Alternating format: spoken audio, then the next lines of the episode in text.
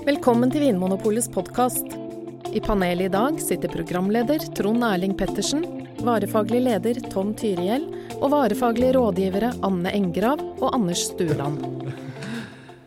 Tom, hvis jeg sier Bordeaux 1945, 1961 og 1982, hva sier du da? Det høres dyrt ut. Hvorfor høres det så dyrt ut? Nei, Det vel regnet som noen av toppårgangene i Bordeaux. Og Bordeaux er også noen av de dyreste vinene i verden. Så Ja. hvis du skal kjøpe de årgangene, nesten uansett, men spesielt fra disse kjente slottene, så må du ut med mye penger. For i dag skal vi snakke om eh, hva som utgjør en god årgang i vinens verden. Um, og Tom, sånn helt på basisnivå, hva er en årgangsvin? Eh, ja, kanskje i motsetning til hva mange tror, så har veldig mange viner årgang. Sånn som i hvert fall de som man får tak i på Vinmonopolet. De fleste vinene er jo årgangsvin, for det er et krav til eh, de fleste vinene innenfor eh, EU-systemet, eller de som ikke er bordvin, den enkleste typen. Ja, så De aller fleste vinene på Vinmonopolet har en årgang. Ja, de, det, det er det vanligste. Så. Og det betyr rett og slett at druene er høsta eh, samme år. Ja, det betyr at de er ifra sånn som nå Nå så er det mye 2015 og 2016 som er inne. Mm. Så da er de druene fra den høsten, at de er høstet sånn fra september-oktober Mm. det året. Mm. Og det også er et krav, da, at de skal være fra samme høst. Ja. Det skal gjenspeile det vekståret, på en måte. Det er liksom litt filosofien bak det. At vinen skal gjenspeile det året og det været det året som druene ble dyrka osv. Ja. Anders, hva tror du folk flest eh, mener når de snakker om årgangsvin? Da tror jeg de mener en litt dyr vin fra et klassisk område, og kanskje den også er litt gammel. Ja. Henger du med på det, Anne? Er du enig? Mm. Eh, hva er det som avgjør om en årgang er god eller dårlig, da, Anne? Eh, kort sagt så er det vel været. Vær og vind. Vær og vind. Ja. Og, ja, hvordan, hvordan været enkelt vinbonde har klart å få modne druer. Mm. Og riktig modne druer, da.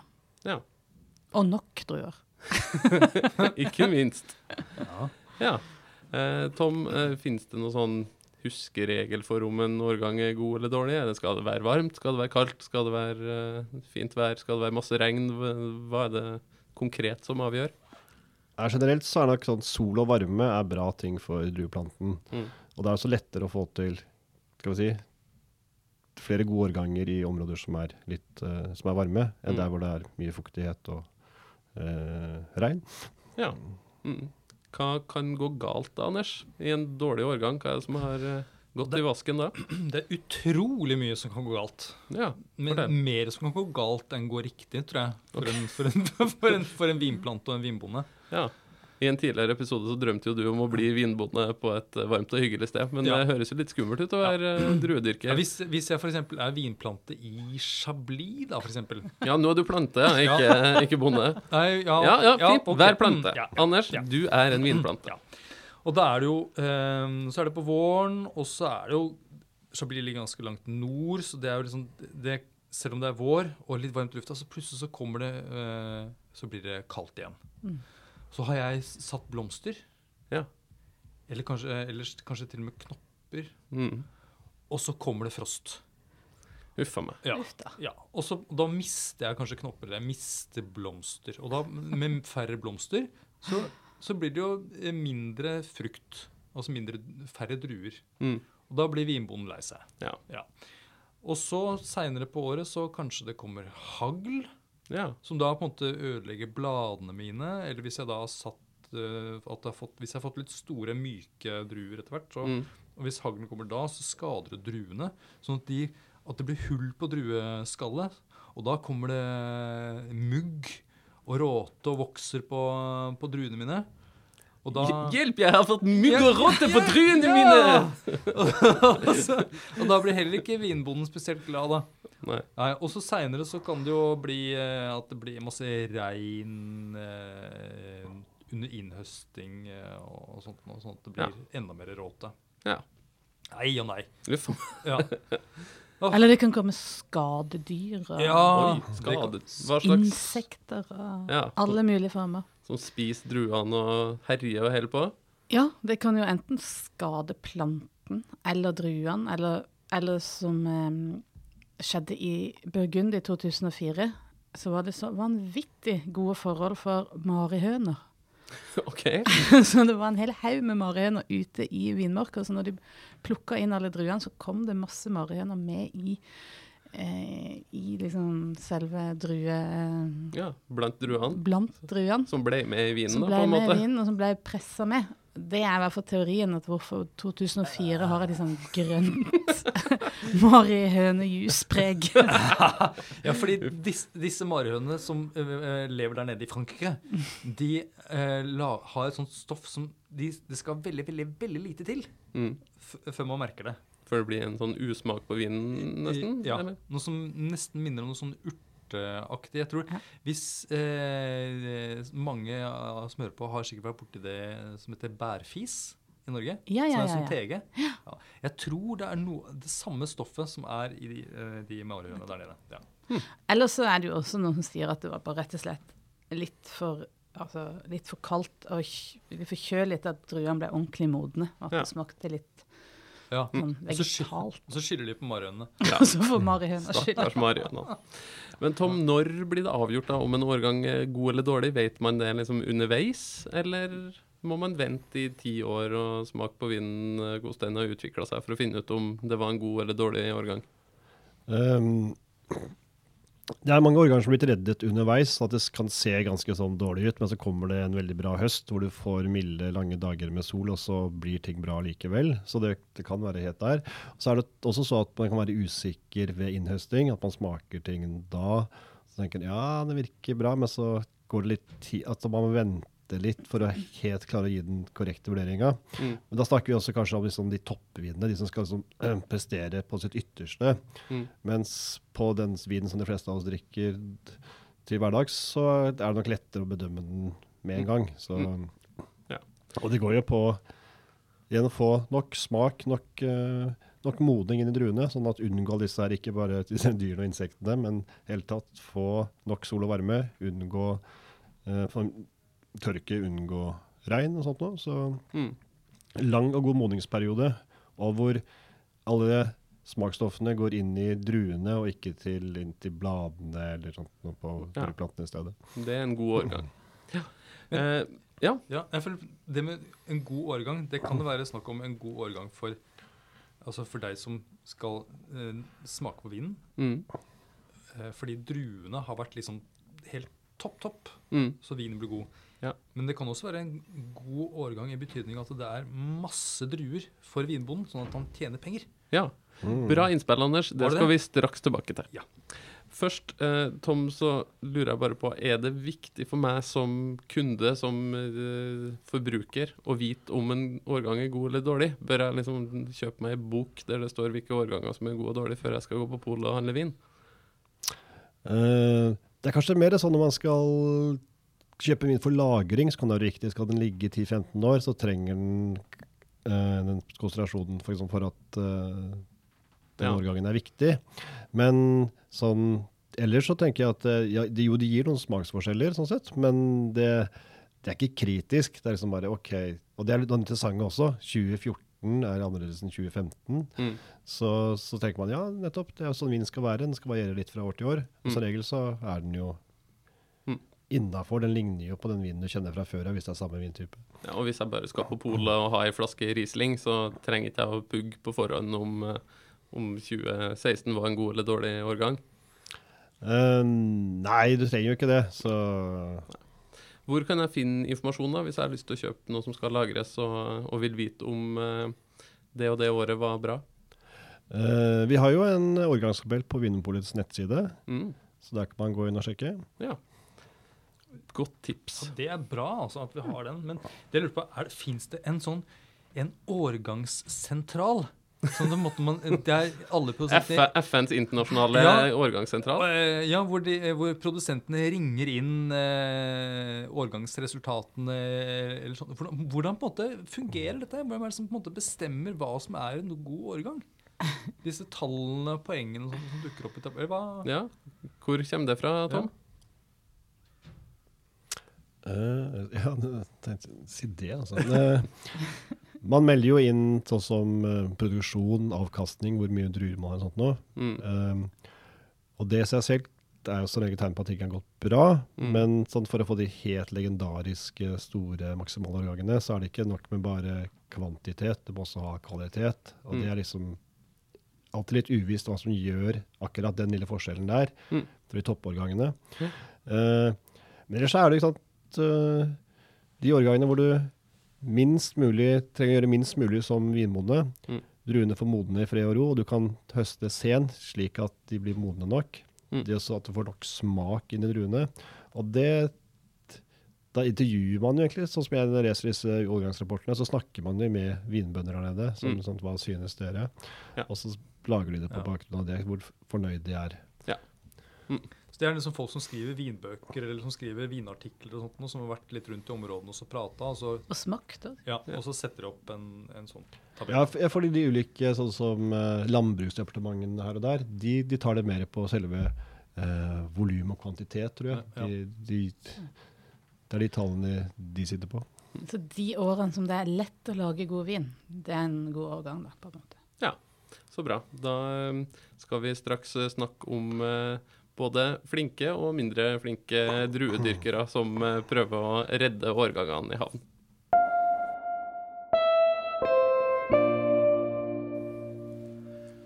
Og Anne, nå skjønte du sikkert at det var deg jeg sikta til. Altså mindre flink, så så du på meg. Men Anne, du har jo ei vinmark. Yes. Fortell, fortell. Jeg har jo altså da i Kristiansand eh, ca. 100 Riesling-planter.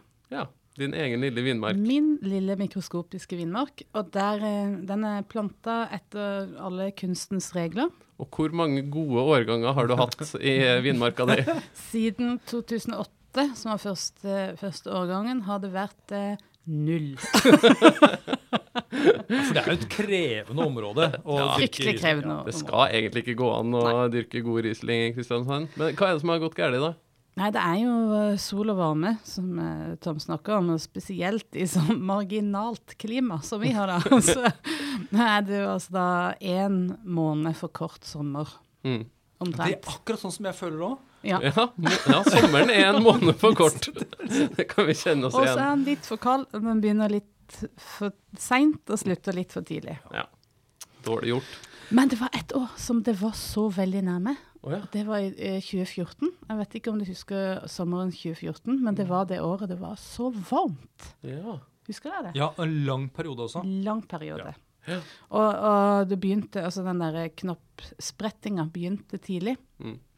Og den eh, varmen holdt seg. Og da var jeg så nærme at eh, druene, at fuglene spiste opp alle druene. Men det er et godt tegn, da, for det, Ja. de spiser de opp når, de, når druene er modne. Så Så neste gang det blir en varm sommer, så kan det bli vin av det, så lenge du klarer å holde fuglene ja, jeg tror faktisk det. Ja, så bra. Eh, Tom, er det noen områder i verden som ikke trenger å bry seg om årganger?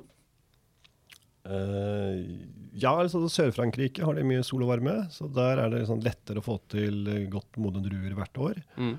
Og så er det mye det som vi kaller nye verden, disse landene utenfor Europa. Chile eksempel har jo liksom vært sånn paradis for eh, drueplanten. Mm.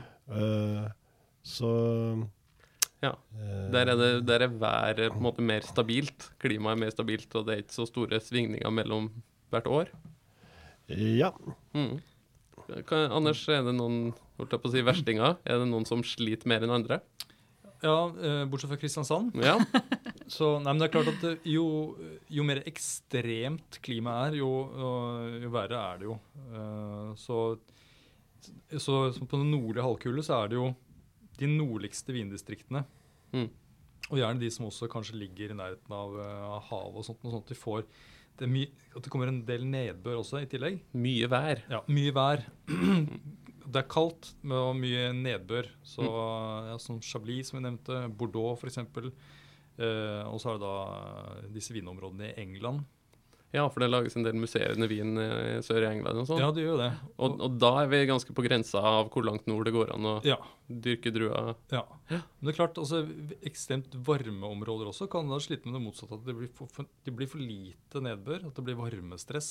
Ja. Og skjer det, så stopper jo plantene og de på en måte lukker alle systemene, så da skjer det jo ingenting med druene. Da stopper modningen. Og det, det er jo heller ikke noe bra. Så.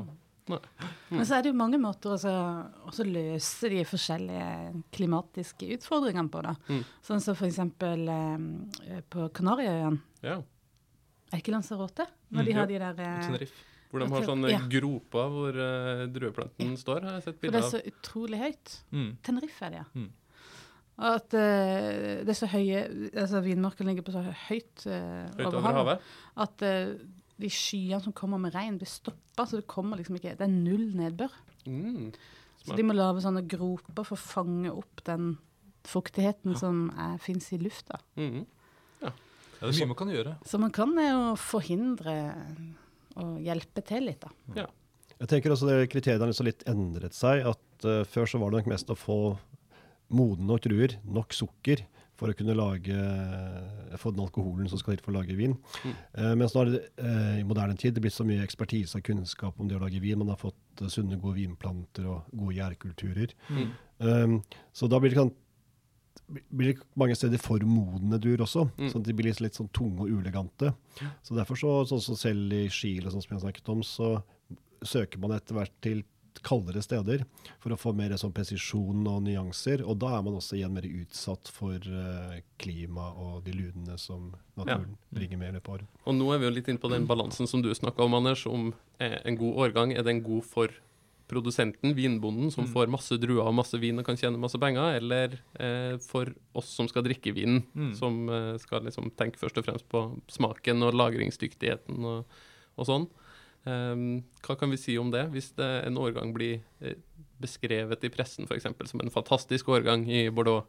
Det, betyr det at vinen er kjempegod, eller betyr det at vinbøndene i Bordeaux har tjent masse penger? Tom? Hvordan leser du det? Bordeaux 1961 f.eks. Betyr det at vinen er veldig god og kan lagres lenge? Eller betyr det bare at de ble veldig rike i Bordeaux i 1961? Um, eller på den tiden der så var det nok mest konsentrert rundt de aller beste slottene. måte, At de, de, ja, de lagde vin som lignet på andre tidligere toppårganger. Ja. Uh, men uh, jeg tenker uh, i Nå så er det nok begge deler. At uh, når du får en uh, god årgang, så er det både kvantitet og kvalitet også. At, at det er bra i hele regionen. Mm. Eh, men i de dårlige årgangene så koster det mer arbeid og penger å lage den gode årgangen. Så da synker jo profitten også. ja. Men det Og- kan jo også være slik at noen årganger, la oss si hvis det har vært hagl da, Mm. eh, på våren, Mm. sånn at eh, plantene setter min, altså færre druer, Mm. så vil, vil jo vinbonden tjene mye mindre penger. Men druene som er igjen på planten, kan jo være veldig, veldig gode. Så du kan få veldig god vin, men at det blir mindre vin.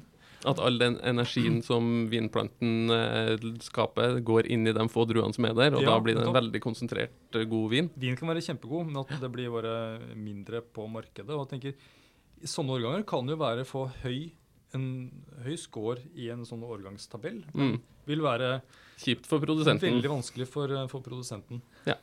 Så kan jeg tenke på det du sa i stad, om at nå så vet man så mye mer om hvordan man skal eh, gjøre ting i vinmarken og sånt nå. og det man kan, gjøre, man kan gjøre noe med oppbindingen av plantene. Du kan hele tiden liksom, du kan fjerne blader, fjerne litt druer og sånt. Nå. Det, jeg tror eh, produsenten nå kan så mye mer om vitikultur, sånn at de kan eh, Vitikultur, det var et vanskelig ord. Hva betyr det? ja, altså hvordan du, hvordan du dyrker og steller plantene dine. Da. OK. Ja. Ja. Sånn at du, du kan hele tiden selv om Du kan gjøre noe med årgangen selv. på en måte. Du kan påvirke det til en viss grad selv også. Og Ja. Derfor så lurer jeg på Tror dere at årgangsforskjellene er mindre nå enn det var i gamle dager? Det er jeg Ja, det nesten jeg. helt sikker på. Men Det er færre dårlige år nå Ja, enn det var for 20-30 år siden. ja jeg, jeg tror jo også det. Ja, så det er bra for oss, da, som skal Ja, for man har den kunnskapen, man har de grepene man kan ta underveis. At man kan være med å styre, som du sier. At øh, ønsker man øh, øh, å tynne ut, f.eks. hvis det er for mange drueklasser, så tenker man at da blir det for lite konsentrasjon, så da fjerner vi noen, slik at øh, utover sommeren og høsten så får Mm. resten modnes ekstra godt og får mer konsentrasjon. Så, så de grepene er jo ganske nye, og det gjør nok at man har mye mer kontroll over produksjonen. Det høres veldig bra ut. Da skal vi straks eh, snakke om noe som kalles for vertikalsmakinga. Det var nok et vanskelig ord som vi må forklare. Nå skal du få høre historien om verdens dyreste flekk. Året er 1989, og vi befinner oss på en festmiddag i New York. Vinhandleren William Sokolin gjør seg klar til å åpne kveldens høydepunkt, en flaske Chateau Margaux som har blitt lagret i over 200 år. Årgangen er 1787, og på flasken står bokstavene THJ, Thomas Jefferson. President, landsfader og Bordeaux-elsker. Fire år tidligere ble flasken funnet bak en murvegg i Paris. Så Colin har kjøpt den for hundretusenvis av dollar. Nå vil han presentere den for kveldens hedersgjester. Men den tidligere baseballspillerens hender er ikke like stø som de en gang var. Så Colin bærer flasken ut i den fullsatte spisesalen, men er uheldig og dunker borti et bord. Flasken faller i gulvet. Klenodiet fra 1787 knuser ikke fullstendig, men det åpner seg to store hull i flasken, og mesteparten av innholdet renner ut på teppet. Så Colin rekker å smake på slanten som er igjen i flasken. Vinen smaker sviskekompott. Men vinhandleren kan trøste seg med at flasken er forsikret. Han får igjen over 200 000 dollar. I ettertid er det blitt stilt mange spørsmål rundt Sokolins forklaring. Hadde flasken virkelig tilhørt Thomas Jefferson? Var den virkelig 200 år gammel? Sokolin skal ha forsøkt å selge vinen for store summer, men ingen ville betale det han ønsket. Knuste han flasken med vilje for å sikre seg forsikringssummen? Var det et PR-stunt? Svaret får vi nok aldri, så Colin døde i 2015. Det eneste som er sikkert, er at han etterlot seg en av verdens aller mest berømte rødvinsflekker.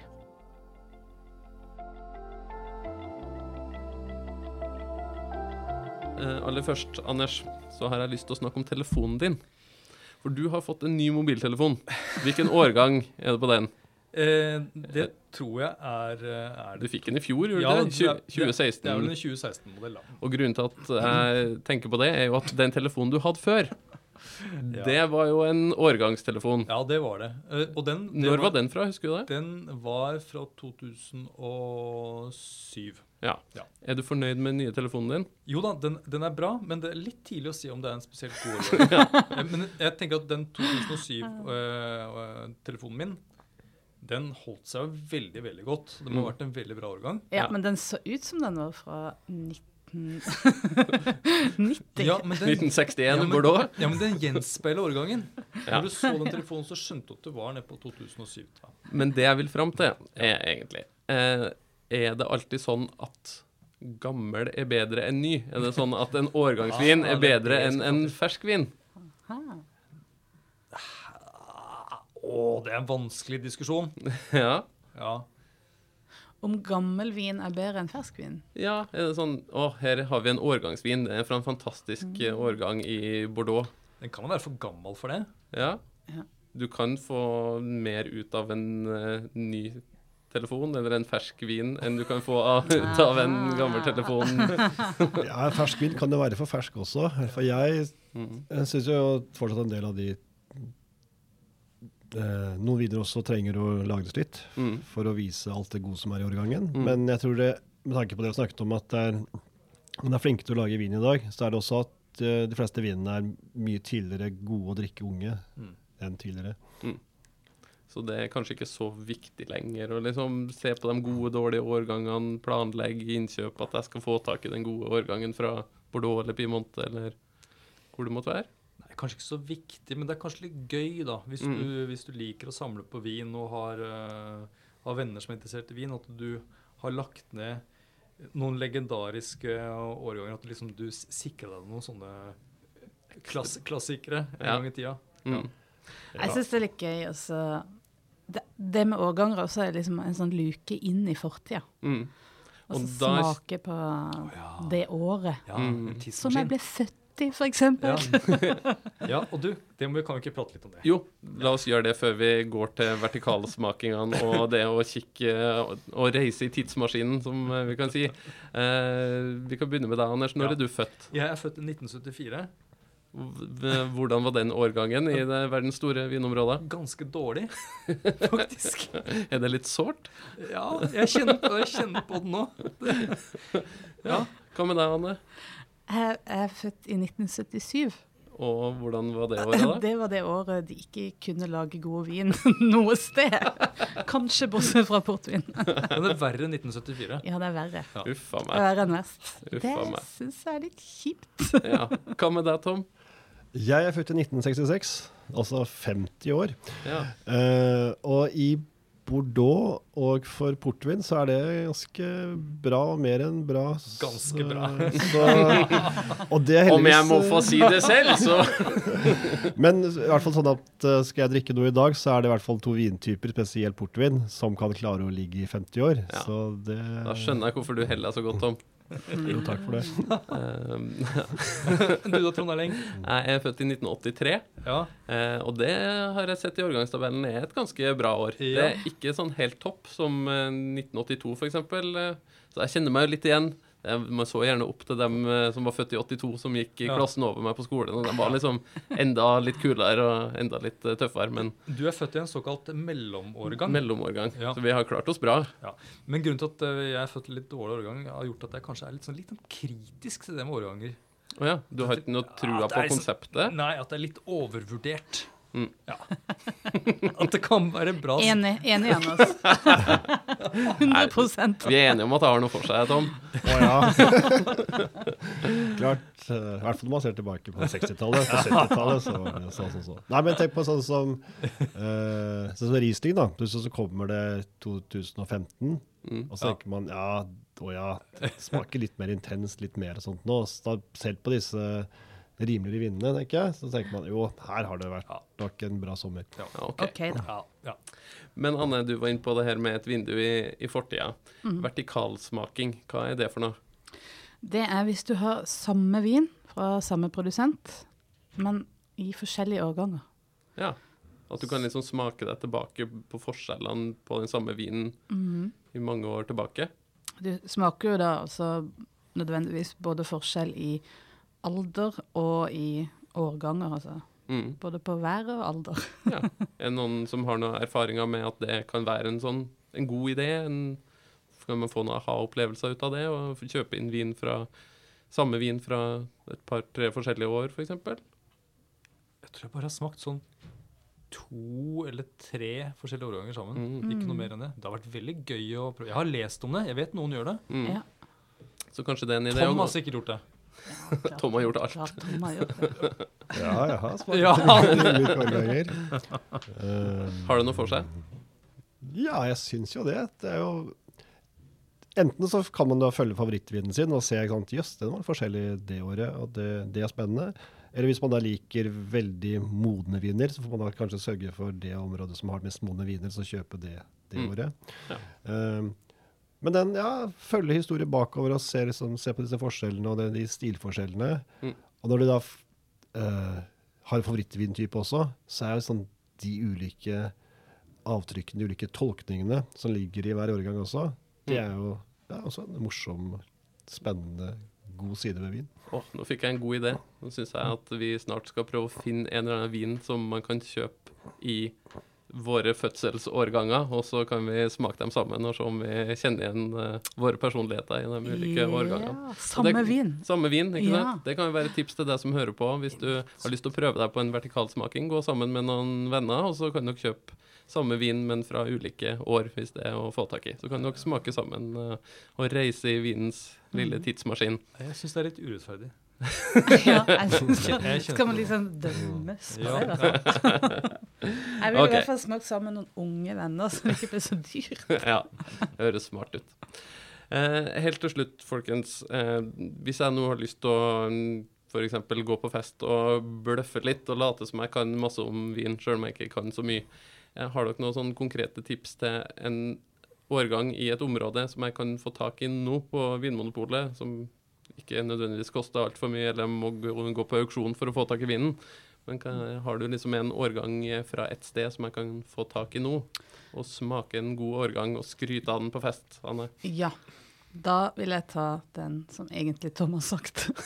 det er min det er sånn, litt sånn aha-opplevelse. Det er et uh, Riesling fra Tyskland i 2015. Ja. Du går liksom ikke feil. Det er veldig godt, nesten uansett uh, pris. Ja, uansett prisklasse. Ja. Riesling 2015, Tyskland. Ja. Tommel opp. Tommel opp med vift. Med vift. Hva med deg, Tom? Har du noen tips? Uh, champagne 2008, kanskje. Mm. De har jo begynt å komme nå, er i salg. Det tar litt tid fordi de slippes. Uh, det er også et område som er marginalt. Det er ganske kaldt der, så det er ikke alltid de lager årgang champagne. Så det også har en verdi. Og det, selv mellom organsjampanjene så er det ikke alle som er like bra. Men 2008 syns jeg ser ut til å være kjempebra. Ja. Og Anders, har du et tips? Ja. Rødvin fra Loire laget på Cabernet Franc Mm. i årgangen 2014. Ja. Eh, kjempebra. Mm, så Mm. fint. Og det er jo ikke så lenge siden heller, så det bør jo kanskje være mulig å få tak i. Det bør være mulig å få tak i. Det er jo ja, det er kanskje ikke den mest kjente typen vin, men det, det, er spennende, spennende viner. Ja. Cabernet Franc fra Loire 2014, champagne 2008 og tysk Riesling 2015. Jips. Ha det bra, jeg stikker på polet. Takk for at du hører på Vinmonopolets podkast. Har du forslag til et tema i podkasten? Send mail til podkast at vinmonopolet.no. I tillegg svarer kundesenteret deg på e-post, chat og telefon. Ring 04560 eller besøk vinmonopolet.no.